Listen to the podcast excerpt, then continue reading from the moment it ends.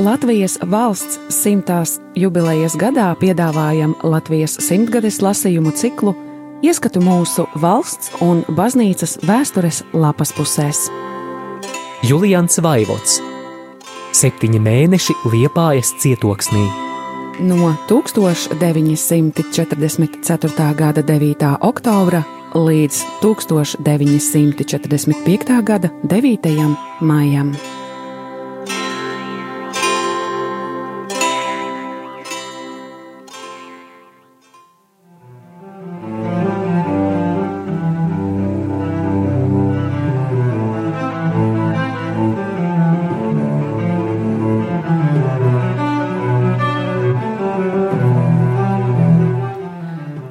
1945. gada 21. martā.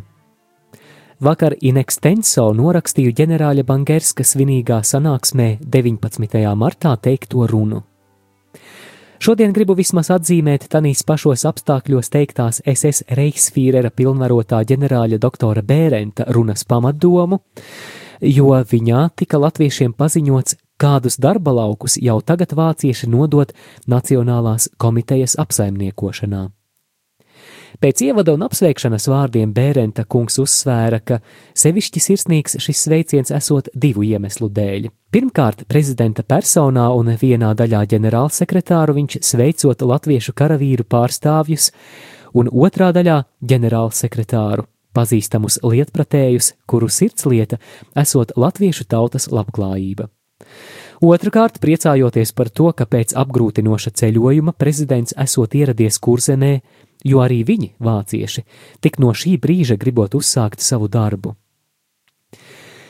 Šis pēdējais teikums iemiesojot sevī jaunās politikas pamatlīniju, jo jaunā vācu vadība kurzemē nav vēlējusies spēt nevienu soli bez latviešiem un arī turpmāk neizšķiršot svarīgus jautājumus latviešu tautas interesēs bez latviešiem tā arī latvieši neizšķiršot jautājumus vispārējās kara vadības interesēs bez viņiem.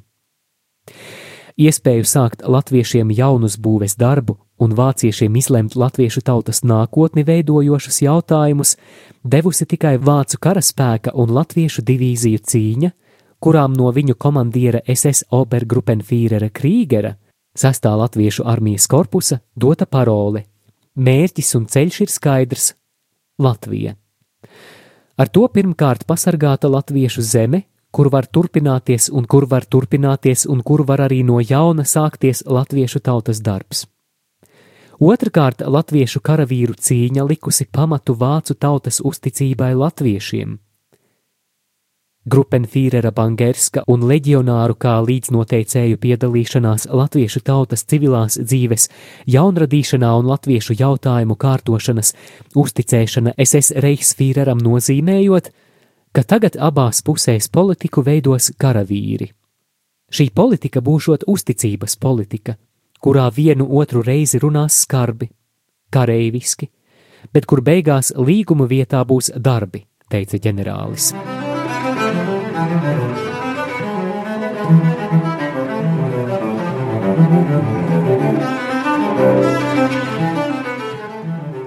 Tālāk runātājs uzsvēra, ka katra kultūras tauta Eiropā šodien stāv izšķiršanās priekšā.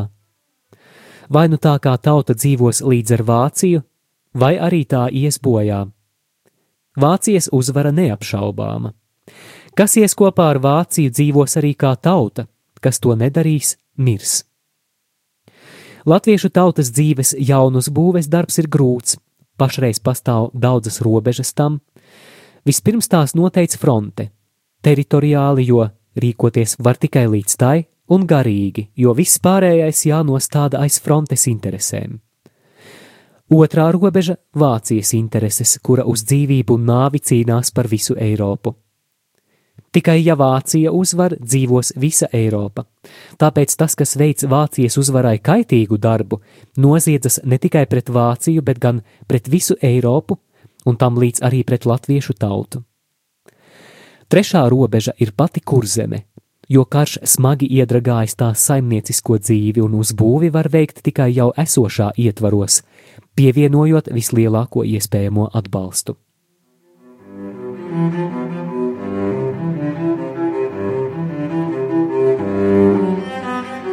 Mēs kopīgi vēlamies celt namu, kurā mēs arī kopīgi dzīvosim. Šis nams saucas Eiropa. Sniegumi, ko šim jaunajam uzbūves darbam līdz šim devusi latviešu tauta, ir tās divīziju varonīgā cīņa, tās civiliedzīvotāja saimnieciskā iekļāve. Pretsniegums ir vācu tautas uzticība un tās paļāvība latviešu tautas turpmākās iekļāves gatavībai.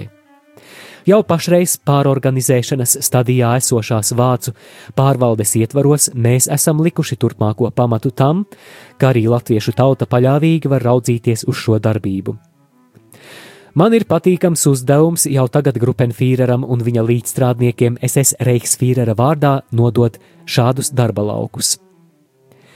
Visas latviešu kultūras dzīves vadību, otrkārt, skolu un izglītības lauku, treškārt, visas civilās tiesas, ceturtkārt, Latviešu bankas nodibināšanu kurzemē.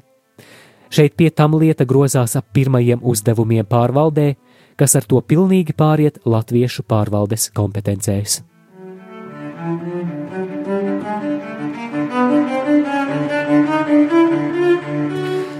Otrs apstākļis, kura paziņošana man sagādā sevišķu prieku, ir, atskaitot īpašumus, kas ir vācu karaspēka rīcībā, visa zemnieku privāta īpašuma kurzemē atdošana īpašniekiem. Tādējādi atkrīt garais īpašuma atgūšanas process un atkal griezta par labu bolševiku netaisnība. Pie līdzinējās saprātīgās kareiviskās sadarbības nebūs grūtību arī pārējās nozarēs, soli pa solim paplašināt latviešu pārvaldi, līdz tās lielākajām iespējamām robežām. Par panākumiem nav ko šaubīties, jo abās pusēs ir laba griba un izpratne, teica ģenerālis. Runas pēdējā daļā ģenerālis Bērens vēl uzsvēra, ka vācu karaspēks aizstāv kurzemi ar visu, kas tās spēkos, un tādēļ gaida no latviešu tautas, ka tā dos frontei to, kas frontes tiesa, jo bez frontes dzīve mirtu. Kas fronti neatbalsta, nonāvē pats sevi. Kas kādu kavē frontes atbalstīšanā, ir Eiropas un latviešu tautas nodevējs, un kas traucē vāciešu un latviešu sadarbību, ir valsts un tautas ienaidnieks, kam nav tiesību uz žēlastību. Cīņas par Eiropu priekšgalā esot vadonis, tāpēc runātājs nobeidz ar katra vācieša lūgšanu, kas tomēr sakarībā ar nu pat teikto, varot būt arī katra eiropieša lūgšana, un kurai tam līdz arī jābūt katra latvieša lūkšanai, lai visu varenais mums uztur mūsu vadoni.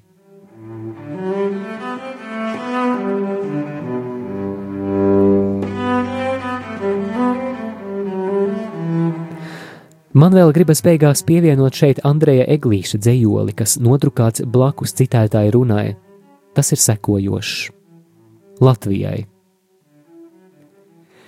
Tu ticības kalns un cerību jūra, tu ciešanu māte, asara sūra, tu varoņu pīšļi, asins un elpa, tu dieva un elles cauršauta telpa. Tu gars mums, nec pelni, liesma, nec vārdi, tu likteņu tumšu elsas un dārdi, tu asiņu dūkstīs dzīvības sakta, tu liktenis pats, tu kalējs un lakta. Liepājā 1945. gada 19. martā.